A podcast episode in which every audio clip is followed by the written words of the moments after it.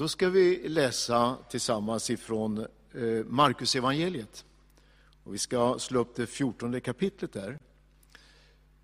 Det närmar sig påsk i Jesu sista livsår. Det är bara två dagar till påsk. Jesus vet precis vad som väntar honom i Jerusalem. Eh, I början av det här kapitlet, det fjortonde kapitlet, så står det att eh, Jesu fiender, de börjar smida planer. Hur ska, vi, hur ska vi lyckas fånga honom? Hur ska vi göra det på rätt sätt och vid rätt tidpunkt? Så han lever i liksom den atmosfären. Och då plötsligt så möter vi en, en händelse som jag tycker är något av det allra vackraste vi har i Bibeln. Och vi läser ifrån den tredje versen i det fjortonde kapitlet, alltså i Markus evangeliet. Det står så här. När Jesus var i Betania och låg till bords i Simon den spetälskes hus kom en kvinna som hade en alabasterflaska med dyrbar äkta nardusolja. Hon bröt upp flaskan och hällde ut oljan över hans huvud. Några blev upprörda och sa, varför detta slöseri med oljan? Den hade man kunnat sälja för mer än 300 denarer och ge åt de fattiga. Och de grälade på henne. Men Jesus sa, låt henne vara. Varför oroar ni henne? Hon har gjort en god gärning mot mig. De fattiga har ni alltid hos er och när ni vill kan ni göra gott mot dem. Men mig har ni inte alltid. Hon har fullgjort sin uppgift. Eller som det står i en annan översättning, vad hon kunde, det gjorde hon. I förväg har hon smort min kropp till begravningen. Amen säger jag er, överallt i världen där evangeliet predikas skall man också berätta vad hon gjorde och komma ihåg henne. Och det uppfylls alltså Jesu profetia här ikväll när vi 2000 år senare i ett bönemöte i Eskilstuna i Sverige berättar om den här kvinnan och vad hon gjorde. Alltså det är två dagar till påsk. Jesus är i Betania. Det är en plats som ligger cirka 2,5 kilometer utanför Jerusalem. Eh, Vi vet att Jesus sökte sig ofta till Betania. Eh, han hade ett favoritställe som han ofta sökte upp. Det var tre syskon som hade ett hem. Det var Marta, Maria och Lazarus. Och det verkar som att Jesus ofta sökte sig till den trion. Där trivdes han, där fick han vila, där fick han support, god mat och, och omsorg på allt sätt. Men det fanns också andra i Betania och bland annat så kommer han här och blir hembjuden till Simon den spetälske. Det är ett lite intressant uttryck, därför att de spetälska fick ju inte ta emot några på fest. De spetälska fick ju inte vara tillsammans med andra. Det vet vi ju att det var så att när fick man spetälska, då fick man lämna sitt hem och sin bygd och leva i, i ensamhet, i isolering. Eh, det har funnits isolering på andra håll mycket värre än den vi upplever just nu eh, när det gäller corona. De spetälska fick leva utanför eh, samhället och inte möta några andra. Kom någon i närheten så fick man ropa eh, jag är sjuk, kom inte hit. Men här tar Simon den spetälske emot i sitt hem. Och det visar ju att han är en av dem som Jesus hade botat från spetälska. För vi möter ju att Jesus botar många som har den här sjukdomen. Och det tycker jag är härligt. Jag har förmånen att i tio års tid eh, vara med och betjäna några av de allra fattigaste på jorden. Och det känner jag mig stolt över. Några som de flesta andra inte bryr sig om och negligerar och hunsar med kan vi betjäna. Och det har varit en, en stor förmån. Den här Även om han nu var frisk, så var det liksom Simon den spetälske. Det var en stämpel på hans panna som aldrig gick ur. Och det är ju så, det där stigmat sitter kvar och det gör det faktiskt än idag. Det är det som är ett av problemen med just den sjukdomen. Men där fanns alltså Simon den spetälske, eller den före detta spetälske. Han gick där som ett levande vittnesbörd om vad Jesus hade gjort i hans liv. Dessutom i samlingen där hemma, i festen, fanns Lazarus. En av de här tre eh, som jag nyss nämnde. Lazarus hade varit sjuk, så sjuk så att han dog. Och du känner berättelsen om när Jesus kommer till Betania och väcker Lazarus från de döda. Och vi vet att när Lazarus blir levande igen så är det många som ser honom, vet ju om vad som har hänt. Och många kommer till tro på Jesus just genom Lazarus. Så där i festen fanns det två väldigt starka vittnesbörd om vad Jesus hade gjort i människors liv. Det kommer en kvinna. I Markus evangeliet så står det inte vem det är. Det finns en snarlik berättelse i Johannes evangelium, Eh, det tolfte kapitlet. Och väldigt många bibeltolkare menar att egentligen är det samma berättelse. Och där i den tolfte kapitlet i Johannes så talas det om att det är Maria, alltså en av de här tre syskonen jag talade om, som kommer in. Och med sig har hon en alabasterflaska eh, fylld med nardus. Nardus var en någon sorts parfymliknande eh, smörjelse eller olja. Den skapades på det sättet att det fanns en ört, och den kanske ännu finns, i Indien. Eh, och eh, den där roten till den där örten pressar man. Och ur roten kommer den här oljan som är så fylld av väldoft. Eh, och den var mycket värdefull. Vi läste här att den, eh, man menar att den kunde, Eh, den kunde man köpa eller sälja för 300 denarer. Du vet, en denar det var det man betalade för ett dagsverke. Så 300 denarer, det var liksom en årslön. Och då kan du ju tänka, du vet ju ungefär vad du tjänar. Eh, tänk dig en årslön. Det var det värdet i den här, av den här alabasterflaskan hon hade. Med den här väldoftande eh, nardus. Eh, den här väldoften den fanns ofta, på grund av att den var så dyr, så var den ju ofta eh, ibland kungar. Och det finns ett intressant uttryck i Höga visan i Bibeln där det står Medan kungen håller fest sprider min nardus sin doft. Det visar att det här var en, en kunglig eh, substans som man njöt av i allra finaste sammanhang. Hur Maria, en fattig kvinna, har fått tag i den här flaskan med, med, med nardus, det vet vi inte. Och det står att det var, en, det var äkta nardus. Eh, du vet, allt som är dyrt det blir fejk också. Och det fanns mycket som liknade det här, men det här var, det här var äkta. Och man visste att det här var värt alltså en årslön. Kanske var hennes pensionsförsäkring, eller hennes reserv och familjens reserv, för det var en så stor summa.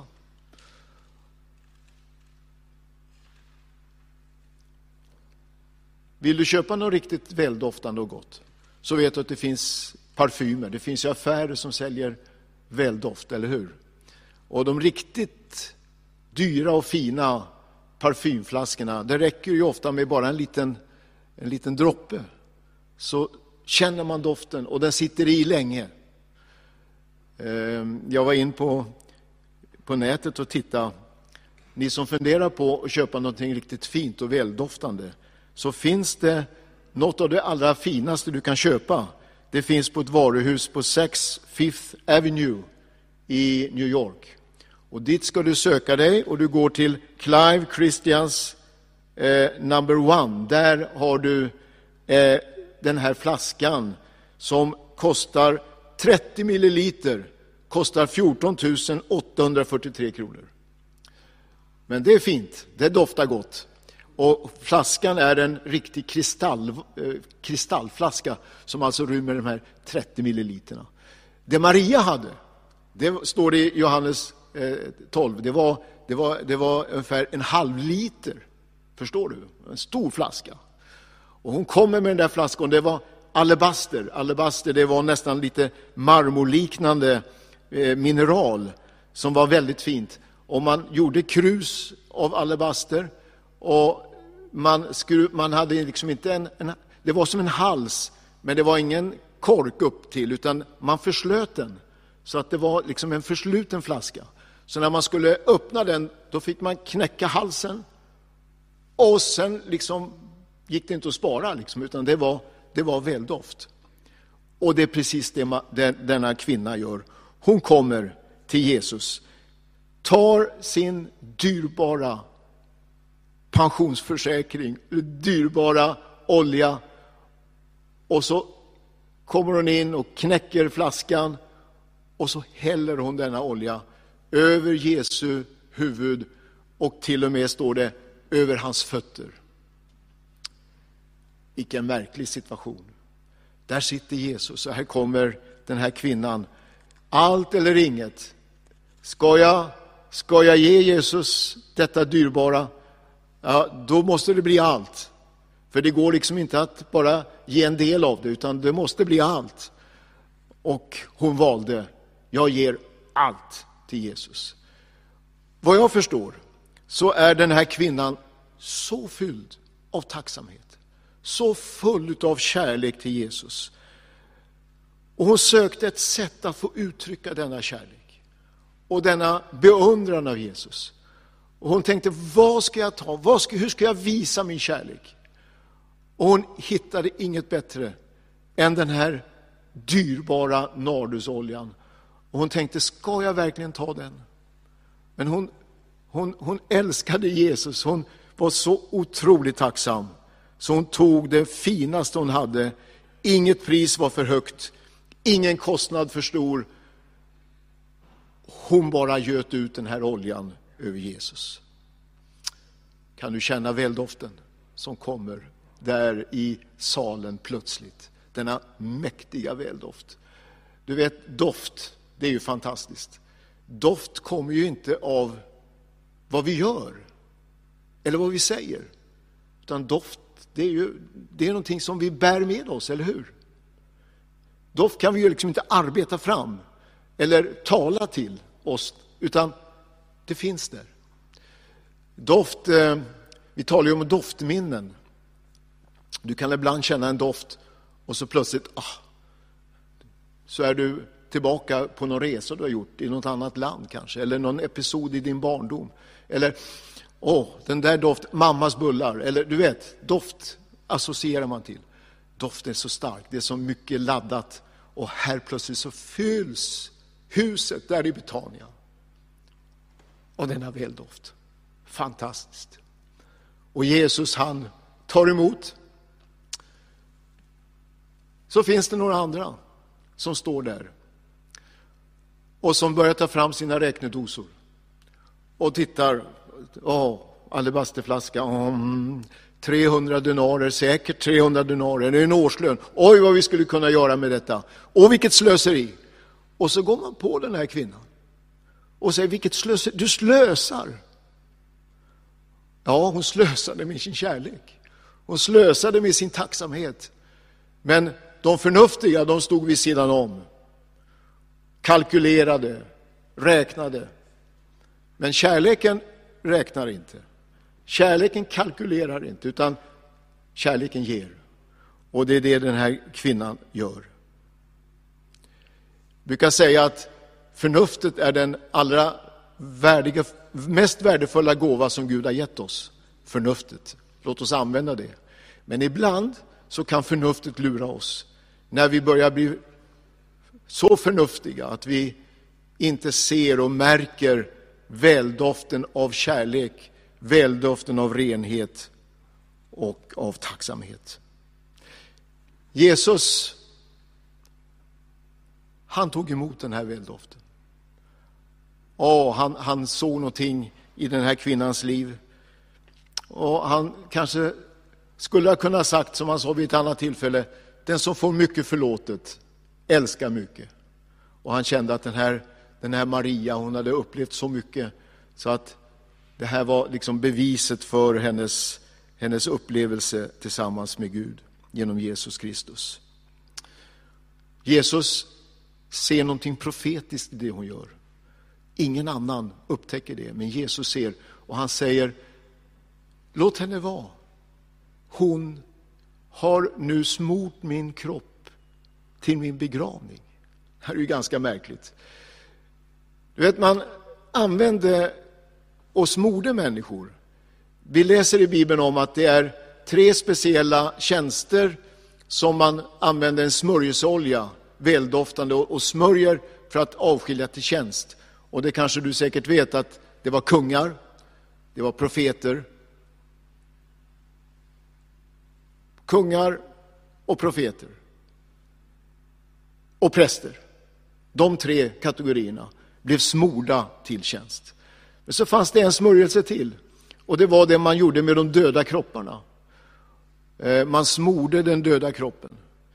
Och i Jesu fall så vet vi att när Jesus hade lagts i graven och på tidigt på söndag morgon så kommer kvinnorna med väldoftande kryddor för att smörja Jesu kropp. Och de är bekymrade, vem ska rulla undan stenen och så vidare. Men när de kommer fram ser de att stenen är borta. Och det var för sent. De där oljorna behövdes inte längre. Jesus var uppstånden, han levde. Men Mar Maria, hon var profetisk. Och hon, Jesus ser detta han säger, den här kvinnan, hon har smort min kropp till min begravning. Hon var profetisk i sin tacksägelse och i sin lovsång till Herren. Herrens ande är över mig, sa Jesus. När han håller sin första offentliga predikan som vi har nedtecknad. Det håller han i Nasaret i sin hemstad. Och han läser Jesaja 61 och där står det Herrens ande är över mig, ty han har smort mig. Han har sänt mig att förkunna glädjens budskap för de fattiga. Så Jesus var smord, han var, hade denna, och han levde i denna väldoft i sitt liv. Och här nu, två dagar innan påsk, så kommer kvinnan och smörjer Jesu kropp och förbereder hans kropp för begravningen. Känner du väldoften? Jag tycker jag riktigt känner den sippra fram. Där den där kvällen, eller dagen, väldoften av en god gärning, väldoften av helighet, av renhet. Alla kunde känna den. Inte bara någon, eller några få, inte bara Jesus. Hela rummet uppfylldes av denna väldoft. Och du vet, den där doften, den satte sig i kläderna. Det var ju en halv liter som hon använde. Så den där doften satte sig i kläderna. Det här var två dagar före påsk. Jag är nästan säker på att ett par dagar därefter när Jesus sitter i salen och instiftar Herrens måltid, nattvarden, och bryter brödet och delar bägaren, så tänker lärjungarna, vad är det som luktar? Det luktar nardus. Ja, visst, det sitter i kläderna. Det var Marias väldoft som hon hade kommit med. Den, jag tror att den fanns kvar där. Och rent av, när man något dygn senare delar Jesu kläder mellan soldaterna, man kastar lott om hans kläder. De som var lyckliga och fick den där, de där kläderna kunde känna, vad är det, vad är det, för, vad är det för doft? Ah, det är nardus. Maria var profetisk. Hon kom med sin olja och göt ut över Jesus. Visst är det fantastiskt? Judas, han lämnar måltiden alldeles ett par, par, par dagar efteråt och han är inte beredd att ge en enda denar för Jesus. Tvärtom, han säljer honom för 30 silverpenningar. Maria, hon står det i Johannes 12, hon smörjer också Jesu fötter med, sitt, med, med den här oljan och hon torkar honom med sitt hår. Hon betjänar Jesus på det sättet. Ett par dagar senare så vet vi att lärjungarna, de, ingen av dem ville böja ryggen för att tvätta fötterna på sina kompisar. Det fick någon annan göra. Det Jesus gjorde. Men Maria, hon tog den uppgiften. Och här finns, det, här finns det så mycket att se och, och upptäcka och säga, men nu ska jag alldeles strax bara säga amen. Och jag skulle vilja bara uppmuntra oss. Vad har vi att ge? Vad har du att ge till Jesus? Vad är det, det värdefullaste du kan ge honom? Och nu pratar jag inte om pengar, men jag pratar om väldoft ifrån ditt liv. Vad kan du ge Jesus? Räkna inte. Var inte som de förnuftiga som tar fram sina räknedosor och funderar, vad kan man göra? Utan Ge Jesus det som ditt hjärta säger. Vad har du att ge? Vad är det för doft vi sprider? Jesus, han tog emot den här doften. Och vi läser i andra Korinthierbrevet en intressant vers där det talas om, att, där det talas om Kristi väldoft. Nu, vet, nu var det nog inte nardus längre, utan nu talas det om Kristi väldoft. Och det står att vi är en Kristi väldoft, en rökelse. Kristi väldoft sprider sin doft runt oss. Det står i Andra Korinthierbrevet, i andra kapitlet, den 14 och 15 verserna. Tänk att vi kan vara med och sprida väldoft. Så, och det gör man inte bara i kyrkan. Du kan sprida väldoft imorgon på jobbet eller i skolan. Och folk undrar, vad är det, vad är det som doftar, vad är det som luktar? För många år sedan hörde jag eh, pastor Samuel Halldorf, han var pastor i Linköping. Han berättade vid ett tillfälle, jag, jag kommer ihåg den här lilla storyn. Han berättade om en kvinna, en ung tjej i församlingen. Hon jobbade som eh, eh, hemvårdarinna. Hon var hemma och hjälpte flera stycken. Och bland annat så var, hade hon en man som hon gick hem till och hjälpte. Och du vet hur det var, man städar kanske och grejer och, och på den tiden så fanns det lite mer tid så hon kokade kaffe ibland och de satt och pratade. Och en dag när de sitter och pratar så säger den här mannen till den här tjejen, du sa han, vad är det för någonting med dig? Vad, vad är det för speciellt med dig? Ja, sa hon, vad menar du? Det är väl inget speciellt med mig, jag är en vanlig tjej här i Linköping. Jo, nej, nej, det är något med dig, det, det är något speciellt, jag, jag känner ju det. Ja, sa hon, jag vet inte vad du menar. Kanske du tänker på att jag är kristen, jag tror på Jesus, till Sionförsamlingen här i stan. Möjligtvis är det det du kanske har upptäckt. Aha. Du, det dröjde inte många veckor så sitter mannen längst ner i Sionförsamlingens möte på Kungsgatan i, i Linköping och lyssnar. Och det dröjer inte många veckor förrän han kommer fram till första bänken och säger till pastorn, jag vill bli frälst. Jag vill uppleva samma sak som min hemvårdarinna har upplevt. Och så blir han frälst. Och han berättar att bara en kort tid efter, några månader efteråt, så blir den här mannen sjuk och dör eller flyttar hem till Herren. Alltså visst är det fantastiskt? Hon gjorde ingenting. Hon predikade inte, hon liksom, men hon doftade. Hon doftade där vid kaffebordet och mannen kände doften och han sa, vad är det? Ja, det är Jesus. Tänk att vi kan få ge Jesus det vi har. Ge honom det värdefullaste du har. Låt väldoften komma.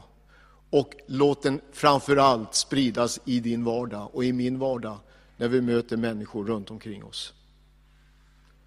Den här berättelsen skulle berättas, sa Jesus, överallt i världen. Ikväll läser vi om den och ikväll berörs vi av den här kvinnans hängivenhet. Och visst är det vackert att bryta alabasterflaskan och hälla en halv liter av den värdefullaste parfymen som var så värdefull så att det var hennes framtid. Allt gav hon till Jesus av kärlek. Kärlekens väldoft, den är underbar. Ska vi be nu tillsammans?